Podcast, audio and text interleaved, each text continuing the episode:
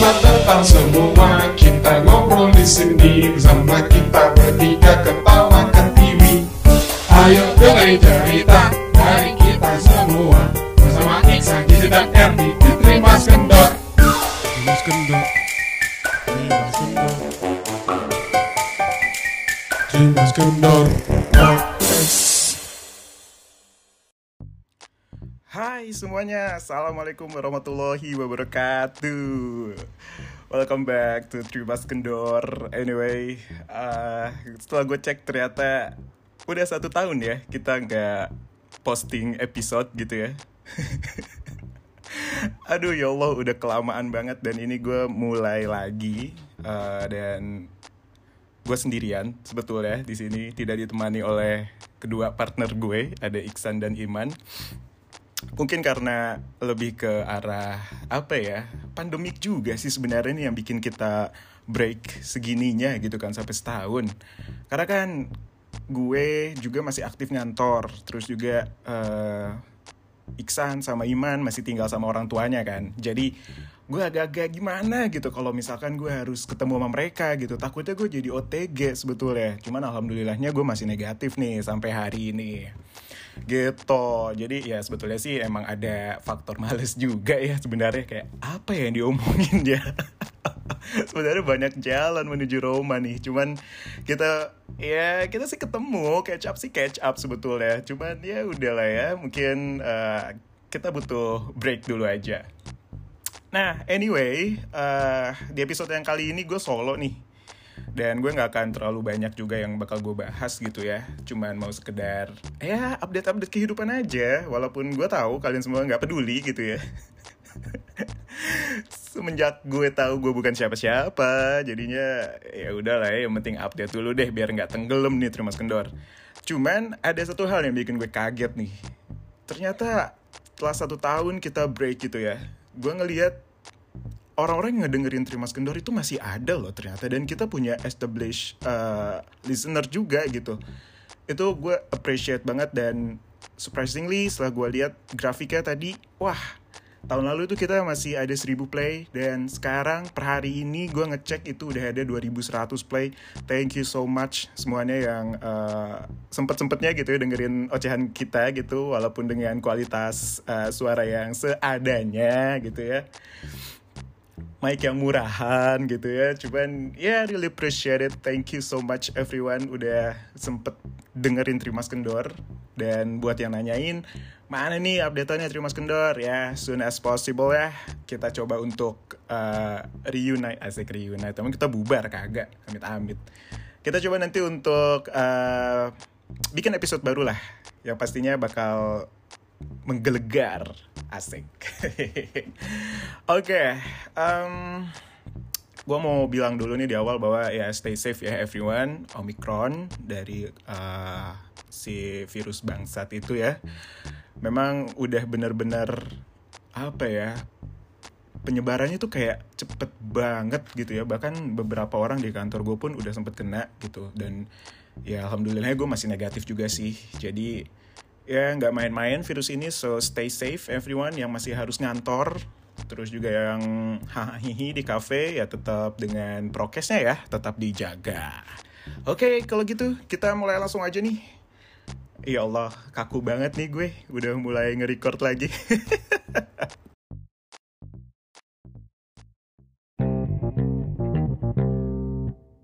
Oke, okay, teman-teman, uh, para pendengar Cimas Kendor, kita nyebutnya apa ya waktu itu ya? Kalau nggak salah, Kendorers ya, atau apa sih? Gue lupa bahkan. Oke, okay, jadi anyway, um, ya, yeah.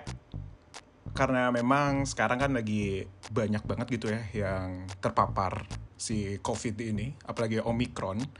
Tentunya banyak banget dari kita untuk harus lebih aware soal masalah kesehatan diri gitu ya. Apalagi kalau misalkan udah menyangkut dengan orang lain nih. Seandainya misalkan anggaplah lo ngantor, terus uh, lo pulang ke rumah, terus lo ketemu sama orang tua lo gitu yang udah rentan ya, udah masuk umur-umur rentan gitu dari soal sakit ya kan. Jadi ini topiknya adalah ngebahas soal sabung babi nih teman-teman. apa sih Tuh kan ya Allah gue masih kaku banget ya kalau sendirian tuh beneran capek deh. Gue pernah sih dulu di episode awal Trimas Kendor ini kan uh, gue ada episode solo juga tuh. Itu lumayan capek dan lumayan garing sebenarnya. Cuman gak apa gue untuk coba cobain dulu lah ya. Nah, uh, sehubungan dengan pandemik ini kita juga tentunya banyak banget nih kehilangan gitu ya dari orang-orang yang kita sayang. Orang-orang yang surprisingly meninggalkan kita dengan cepat gitu ya. Dan memang ada hubungannya juga dengan keadaan gue saat ini. Asik. Bukan saat ini deng. Kemarin-kemarin. Jadi um, memang yang namanya kita ditinggalkan gitu ya sama orang yang kita kasihi atau yang orang-orang yang kita sayangi pasti nggak akan gampang sih. Ya nggak sih pasti akan ada momen di mana lo bakal menyalahkan diri lo atau akan ada momen di mana lo marah sama diri lo gitu. Ada pasti juga momen di mana lo bingung atas apa yang udah terjadi dan apakah gue pantas gitu mendapatkan hal ini gitu ya? Kok dia malah ninggalin gue nih? Kok dia malah uh, pergi gitu aja ya kan jadi memang pembahasan episode kali ini tuh lumayan cukup ya emosional lah buat gue. Dan mudah-mudahan relate juga dengan kalian semua yang ngedengerin ya. so, memang yang namanya perpisahan itu bukan sebuah candaan ya guys. Maksudnya adalah kita bagaimana bisa dealing dengan perpisahan itu susah banget deh pasti. How to move on, bagaimana kita pindah dari tempat satu ke tempat lainnya, kita move forward, kita mencoba diri kita untuk bisa move on, tapi ternyata logic dan juga hati berkata lain. Itu udah paling males sih, kalau misalkan yang gue rasain ya. Cuman balik lagi sih, kita sebagai manusia tentunya harus juga ngeliat ke depan. Apa yang kita jalanin tentu harus dijalankan dengan baik. Apa lah gitu yang gue omongin ya. Memang sebenarnya ya balik lagi ke soal perpisahan itu ya. Memang masing-masing dari kita itu pasti berbeda-beda nih. Gimana caranya kita untuk bisa bereaksi atas sebuah kehilangan itu pasti beda dengan orang lain.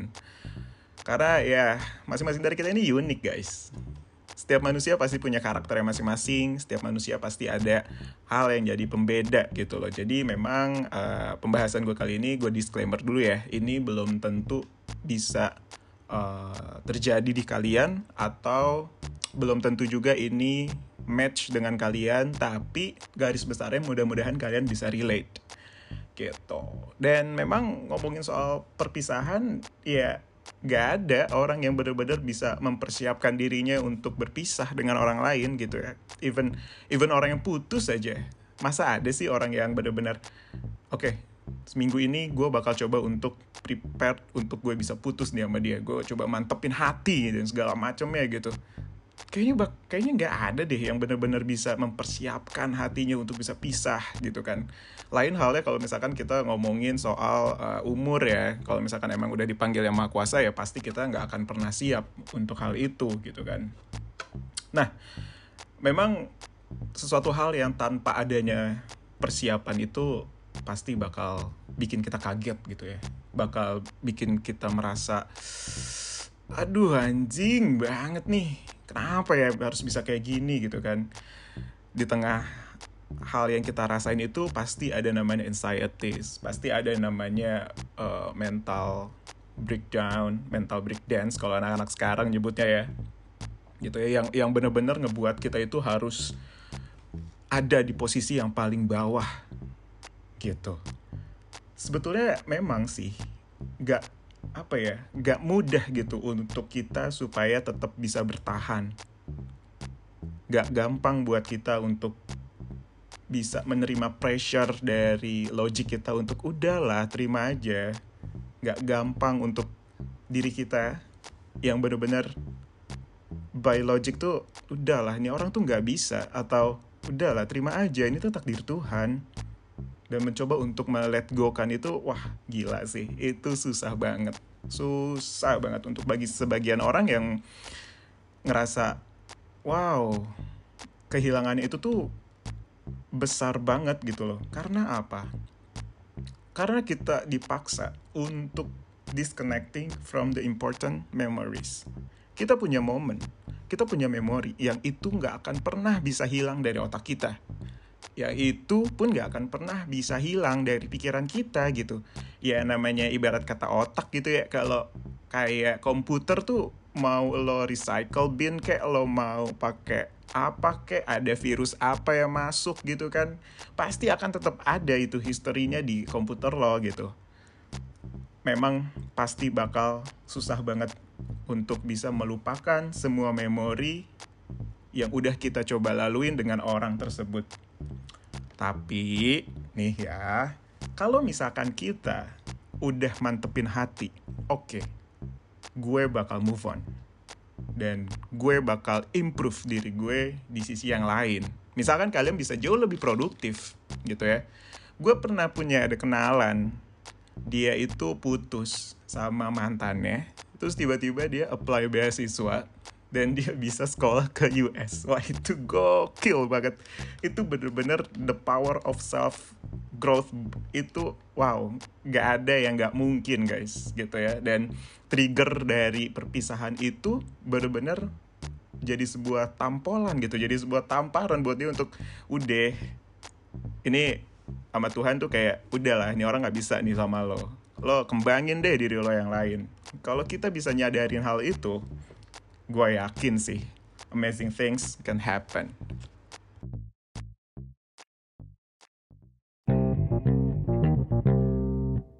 Anyway para kendorers sebetulnya ngerasa kehilangan gitu ya perasaan yang kita rasain setelah kita kehilangan orang yang kita sayang itu pasti akan selalu muncul sih. Gue nggak akan bisa jamin bahwa itu totally clear dari perasaan lo atau dari pikiran lo pasti itu akan membekas banget gitu ya. Dan um, yang namanya kehilangan itu pasti sering banget kejadian di hidup kalian. Mulai dari kita kehilangan teman atau mulai dari kita kehilangan pacar kita kehilangan uh, sahabat kita gitu ya atau kita kehilangan benda-benda yang kita sayang mungkin. Kehilangan kucing kita atau kehilangan anjing kita. Itu semua pasti uh, suatu hal yang biasa di hidup kalian. Nah memang balik lagi tadi seperti yang di awal gue bilang setiap orang itu merasakan proses kehilangannya itu tuh beda-beda nih teman-teman. Gitu. Setiap orang tuh pasti bakal beda-beda banget. Gak bisa tuh kita samain kayak gue bisa nih move on dari pacar gue cuman sebulan. Kok lo bisa sampai satu tahun ya move onnya ya? Atau mungkin ya karena itu cuma kucing gue jadi gue move onnya ketika dia meninggal gue move onnya ya udah cuma tiga hari empat hari beres. Tapi kok lo kehilangan kucing lo bisa sampai satu minggu ya galaunya gitu kan ya. Itu tuh nggak bisa disamain. Setiap orang pasti bakal beda-beda. Prosesnya tuh udah pasti bakal beda. Karena ya itu dia tergantung dari seberapa dalam memori atau seberapa dalam kenangan yang dia laluin sama orang yang dia tinggalin. Atau ya orang yang kita rasa ya kita kehilangan lah gitu ya. Nggak ada time frame khusus. Nggak ada waktu yang bisa dipatokin kayak ya gue mau matokin ah gue seminggu deh gue move on dari dia gitu. Nggak akan bisa. Nggak akan pernah bisa. Kalau misalkan lo belum tahu yang sebetulnya apa yang harus lo lakuin ketika lo kehilangan. Nah seandainya nih misalkan lo kasih target buat diri lo setelah lo putus atau setelah lo ditinggalin atau setelah lo mengalami yang namanya perpisahan lo kasih nih oke okay, gue uh, mendedikasikan waktu gue satu bulan untuk bisa full galau. Sehingga di bulan kedua nanti gue udah bisa cari yang baru. Gak bisa bos. Justru malah kalau misalkan dipaksa, ya, ya namanya, ya, ya udah deh pada dasarnya deh hal-hal yang dipaksa itu kan sebenarnya nggak enak ya, ya gak sih? Percaya deh sama gue, pasti nanti ujung-ujungnya lo bakal ngerasa sakit hati atau ada unfinished business itu yang benar-benar berbahaya sekali saudara-saudara. Unfinished business. Apalagi ketika lo mau mencoba hal baru gitu ya dengan orang lain dan ternyata lo masih punya unfinished business udah deh itu udah nggak akan bener udah susah banget itu ya. Jadi make sure untuk kalian yang sedang mengalami perpisahan atau baru putus atau misalkan eh, baru ditinggalkan orang terdekat, beresin dulu perasaannya, baru mulai yang baru. Gitu. Dan emang sebenarnya sih ya, ketika kita cerita gitu sama teman kita, kadang kan kalau kita lagi sedih atau kita lagi galau tuh kita butuh teman cerita nih entah itu sahabat kita atau entah itu teman kita atau entah itu mungkin gebetan kita gitu ya tapi sebenarnya nggak ada yang benar-benar bisa ngerasain kehilangan sampai kita benar-benar melalui itu sendiri seandainya gue cerita nih sama teman gue atau gue cerita deh sama Iksan sama Iman gitu ya soal kehilangan gue kemarin. Mereka mereka peduli. Mereka benar-benar tahu apa yang gue rasain. Cuman yang sampai benar-benar merasakan bagaimana sakitnya atau merasakan bagaimana lo uh, dealing with your loss itu nggak akan bisa pasti. Gitu. Memang harus dirasain sendiri tuh gitu ya. Nah buat teman-teman yang atau kalian yang introvert kadang males. Lo kalau lagi ngerasa kehilangan gitu ya lagi galau atau lagi ya lagi lagi galau-galaunya lah. Pasti males banget deh kalau harus bertemu dengan orang lain atau ketika ditanya lo kenapa? gitu ya. Ya gue nggak apa-apa. Gitu nggak sih?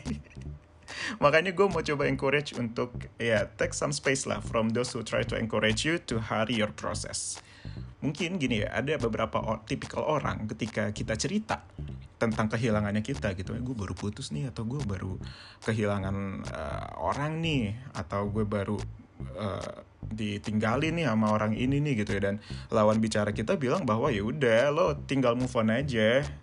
Ya udah lo cepet-cepetan deh move on deh. Karena uh, lo jadi nggak banget nih gitu atau lo jadi sedih mulu nggak bisa gue ngeliat lo gitu kan cek biasanya itu dari keluar dari mulut-mulut buaya ya guys ya. Aku nggak bisa ngeliat kamu sedih. Aku bakal usaha untuk nyenengin kamu. Anjing anjing kabur. Jangan mau jangan percaya gitu ya. Lebih baik kalian take some space. Udahlah jaga jarak aja lah dari orang yang kayak gitu. Karena mereka bener-bener nggak tahu rasanya kehilangan tuh kayak gimana gitu ya. Yang namanya kehilangan itu pasti takes time nih pasti gue yakin gitu ya. Pasti takes time dan pasti akan ada uh, waktunya di mana fluktuatif gitu ya di mana lo kadang ngerasa kayak oke okay, gue udah move on. Tapi ternyata lo melewati sebuah tempat atau lo melewati sebuah uh, cafe atau lo makan makanan yang ketika lo makan bareng sama dia dan lo keingetan lagi gitu ya itu pasti bakal muncul lagi tuh rasa-rasa galau nya tuh atau anxietiesnya lagi atau lo menyalahkan diri lo sendiri gitu ya atas penyebab kenapa dia ninggalin lo ya kayak gitu-gitu. Makanya gue bilang bahwa kehilangan waktu kehilangan itu tuh butuh waktu. Dan your feeling deserve to be expressed in a safe place sebetulnya jadi coba kalian rasakan. Kalau misalkan kalian, kalian lagi merasa kehilangan gitu ya. Kalian rasain rasanya tuh kayak gimana?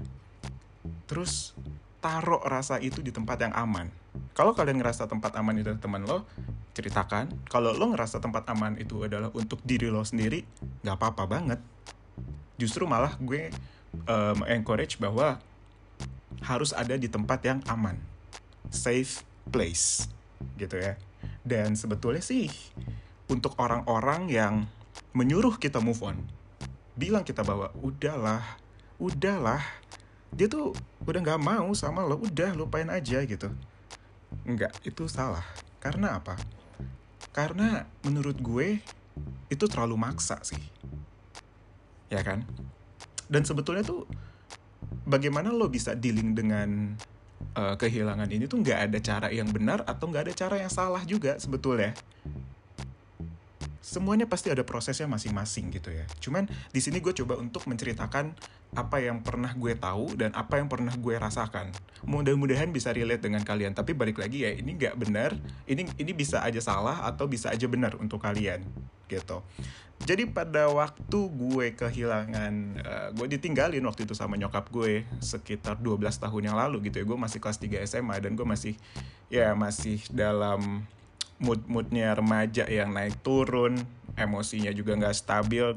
Gue ditinggalkan oleh satu-satunya orang yang menurut gue sangat-sangat berharga gitu ya sampai sekarang. Teman gue pernah mengirimkan sebuah artikel gitu ya.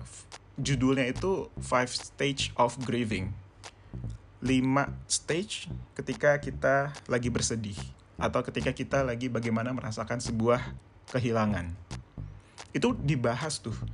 Mulai dari stage 1 itu apa, stage kedua itu apa, stage ketiga itu apa, dan semuanya itu menurut gue ya, menurut gue itu ada bener ya. Gitu. Itu itu yang gue rasain. Gue disclaim mulu nih berkali-kali. Berdasarkan yang gue rasain itu emang ada betulnya juga gitu loh. Jadi stage yang pertama itu ngebahas soal denial.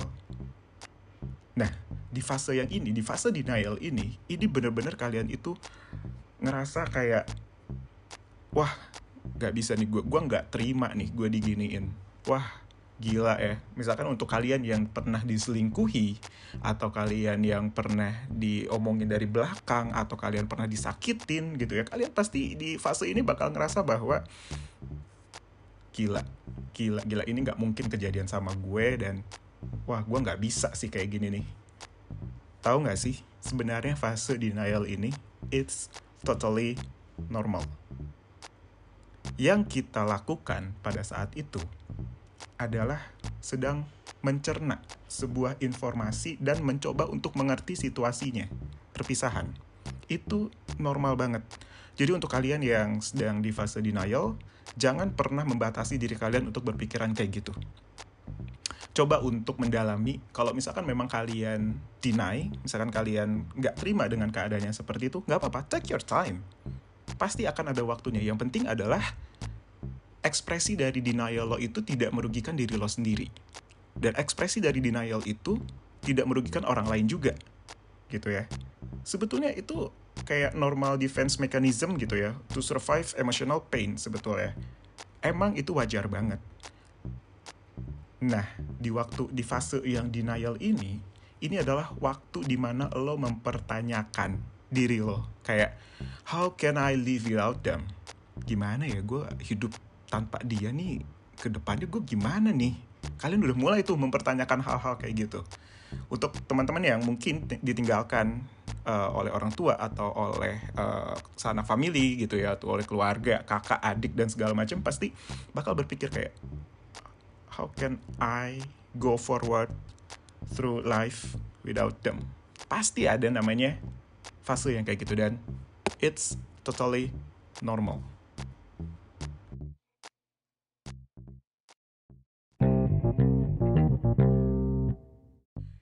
Ya, ternyata memang beneran capek ya kalau misalkan bikin podcast sendirian. Ya Allah. ini aja gue udah break, udah berkali-kali ini gue break.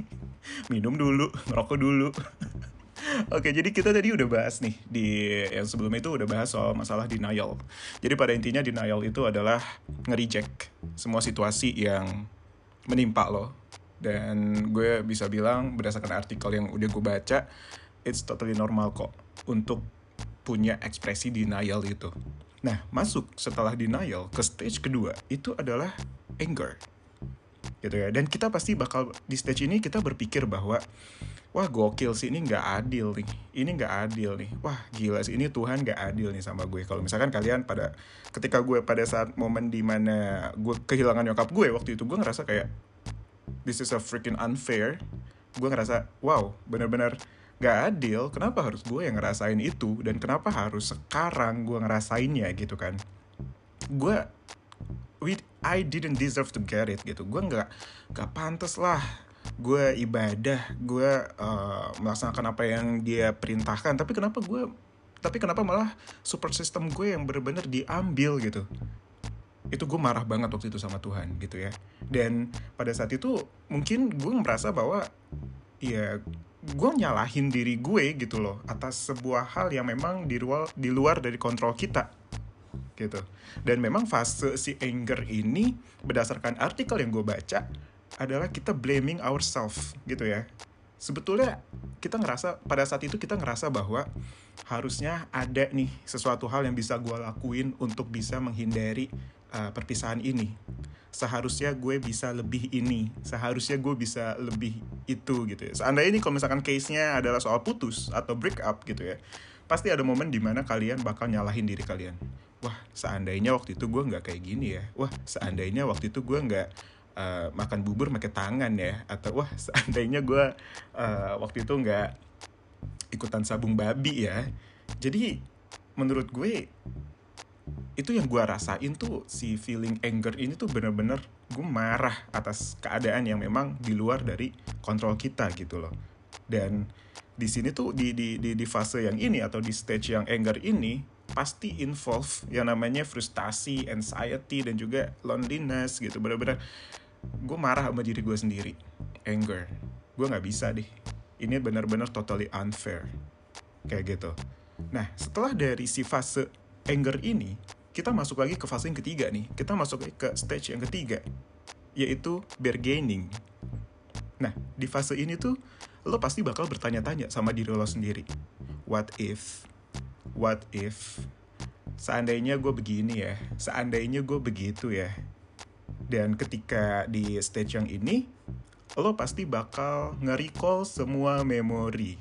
Dan lo bakal look back to the moment ketika lo uh, menghabiskan waktu dengan orang terkasih lo atau orang kesayangan lo ketika lo balik ke momen-momen indah sama pacar lo gitu ya dan uh, trust me di apa di part yang stage bargaining ini pasti painful banget sih. Gitu ya karena kayak lo tuh ngerasa bahwa seandainya aja gue bisa balik ke momen waktu itu dan gue bisa lebih setia lah atau gue bisa lebih baik lah ngetreat dia gitu kan pasti bakal ada nih momen bargaining di situ. Setelah lo bargaining itu ada stage selanjutnya lagi yaitu stage yang keempat. Itu ada yang namanya depression. Gitu ya. Nah di fase yang ini di stage yang ini ini tuh bener-bener hati kita tuh kayak hampa terus hati kita tuh kayak bener-bener uh, sedih banget gitu ya. Kayak feeling extremely down gitu. Bener-bener ya ampun gue bener-bener ada di titik yang paling bawah waktu itu ketika gue ditinggalin sama nyokap gue gitu ya. Dan setelah gue merecall lagi setelah gue membaca lagi gitu ya si artikel si artikel ini dan ya it's totally normal gitu. Dan di fase yang kita kosong kosong kosong itu ya kayak makan aja males tatapan mata kosong gitu kan kerjaan jadi nggak bener atau sekolah lo jadi berantakan gitu kan sebenarnya itu adalah bagaimana proses diri lo begin to face the situation mulai menerima pelan-pelan lo mulai menerima walaupun mungkin hati lo kosong. Gitu ya. Dan uh, di fase ini akan ada kemungkinan bahwa lo akan jadi less sociable atau jadi males berinteraksi dengan orang-orang gitu ya. Dan mungkin tidur lo akan lebih terganggu atau lo punya mata panda yang ngalahin matanya Pak SBY gitu ya. Dan itu normal. Justru memang menurut gue yang gue baca di artikel ini gitu ya memang harus ada fase yang seperti itu supaya lo bisa jauh lebih menerima atas apa yang udah terjadi di hidup lo oke Terus selanjutnya adalah fase terakhir. Stage yang terakhir itu ada namanya acceptance. Gitu ya. Sebenarnya kalau ngomongin soal accepting atau ngomongin soal uh, kita bisa menerima kehilangan yang kita rasain itu bukan berarti kesedihan lo bakal hilang. Enggak juga gitu loh. Mungkin kayak udah gue udah move on gitu setahun yang lalu, tapi tiba-tiba ada ada momen yang nge-trigger lo untuk lo bisa balik lagi ke uh, situasi galau lo gitu ya itu mungkin aja terjadi gitu loh lo tetap ngerasain rasa sakitnya ditinggalin lo bakal tetap ngerasain yang namanya lo nangis di bawah shower atau nangis di bawah hujan ya kan? Tapi good newsnya adalah ketika lo merasakan hal itu di stage ini lo sedang belajar untuk accept the reality. Lo sedang belajar untuk menerima situasi yang ada, lo sedang belajar untuk bisa move on ke tempat lo yang baru. Gitu. Nah, kalau misalkan udah di fase acceptance gitu ya, pasti kalian bakal sibuk dengan hal-hal baru yang akan kalian coba. Itu yang di mana tadi gue sempat ceritain di awal bahwa temen gue itu ketika dia putus dari pacarnya dan dia kayak ngerasa oke gue bakal ngelakuin hal lain. Dia apply beasiswa dan akhirnya dia uh, berangkat lah dia ke US ya sekolah dia dia di mana di US nah itu adalah fase yang tadi awal gue bilang amazing things can happen. Jadi lo bisa jauh lebih produktif, lo bisa membalaskan dendam lo atas kehilangan lo. Sebetulnya balas dendam itu menurut gue ya nggak selamanya jelek sih. Selama itu memang uh, bagus untuk diri kita dan benar-benar membangun diri kita untuk bisa jauh lebih baik lagi dibandingkan dengan yang diri kita sebelumnya gitu. Sebetulnya yang kita apa ya? Kalau misalnya kita saingan soal kehidupan, yang kita kalahin tuh sebenarnya bukan orang lain yang kita kalahin tuh bukan si mantan kita yang udah kita putusin atau bukan si mantan yang ninggalin kita. Bukan itu sebetulnya. Tapi yang kita kalahkan adalah diri kita sendiri. Otomatis kalau kalian bisa jauh lebih produktif dan bisa jauh lebih uh, punya adding value di kehidupannya sekarang dibandingkan sebelumnya, lo menang lawan diri lo yang dulu. Which means itu keren dan itu bagus banget.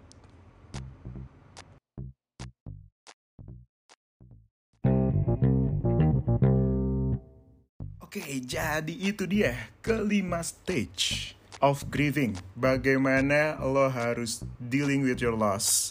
Gue mau disclaimer sekali lagi bahwa ini artikelnya gue lupa uh, dari buku apa dan siapa pengarangnya uh, gue lupa banget mungkin kalian bisa googling sendiri gitu ya. Yang pasti ini bukan datangnya dari gue ini adalah dari uh, bacaan yang gue baca gitu ya bagaimana kita harus dealing with our loss. Nah pada intinya adalah ada lima stage nih guys. Ada denial ada anger bargaining depression and acceptance gitu ya. C ini udah mulai penutup nih, udah mulai menarik kesimpulan jadinya. Gila capek ya ternyata ya gue nyap nyap udah hampir berapa menit nih. Oke, jadi memang uh, kelima stage ini nggak semuanya harus bisa dirasain sama kalian atau ini adalah bukan cara yang benar atau bukan juga cara yang salah. Jadi setidaknya in general kalian pasti merasakan kelima hal ini dan ini belum tentu berurutan. Siapa tahu mungkin kalian uh, dimulai dari bargaining atau dimulai dari depression dulu gitu ya baru bisa accepting, baru habis itu anger gitu ya mungkin ya makanya tadi gue bilang di awal bahwa setiap orang yang punya kesedihan habis ditinggalin sama orang lain pasti punyanya car punya cara sendiri untuk bisa memproses itu. Yang paling penting adalah bagaimana kalian bisa menjalani kehidupan sel selanjutnya dan menambahkan adding value, menambahkan adding value nggak tuh boros banget kata-kata gue. Bagaimana kalian bisa adding value terhadap kehidupan yang sekarang dibandingkan dengan kalian di masa lalu. Kalian menang guys lawan diri kalian sendiri. Yay, congrats. So that's it everyone. Mudah-mudahan uh, episode yang kali ini bisa berguna untuk kalian dan mudah-mudahan bisa ngehibur kalian juga walaupun gue tahu gue jayus banget dan gue garing banget gitu ya. Mungkin kalian juga udah enak nih ngedengerin suara gue dari awal sampai akhir. But thank you so much untuk uh, udah dengerin podcast gue, episode gue yang sekarang. Mudah-mudahan gue bisa produce uh, podcast gue yang lainnya. Oke, okay, thank you guys. See you.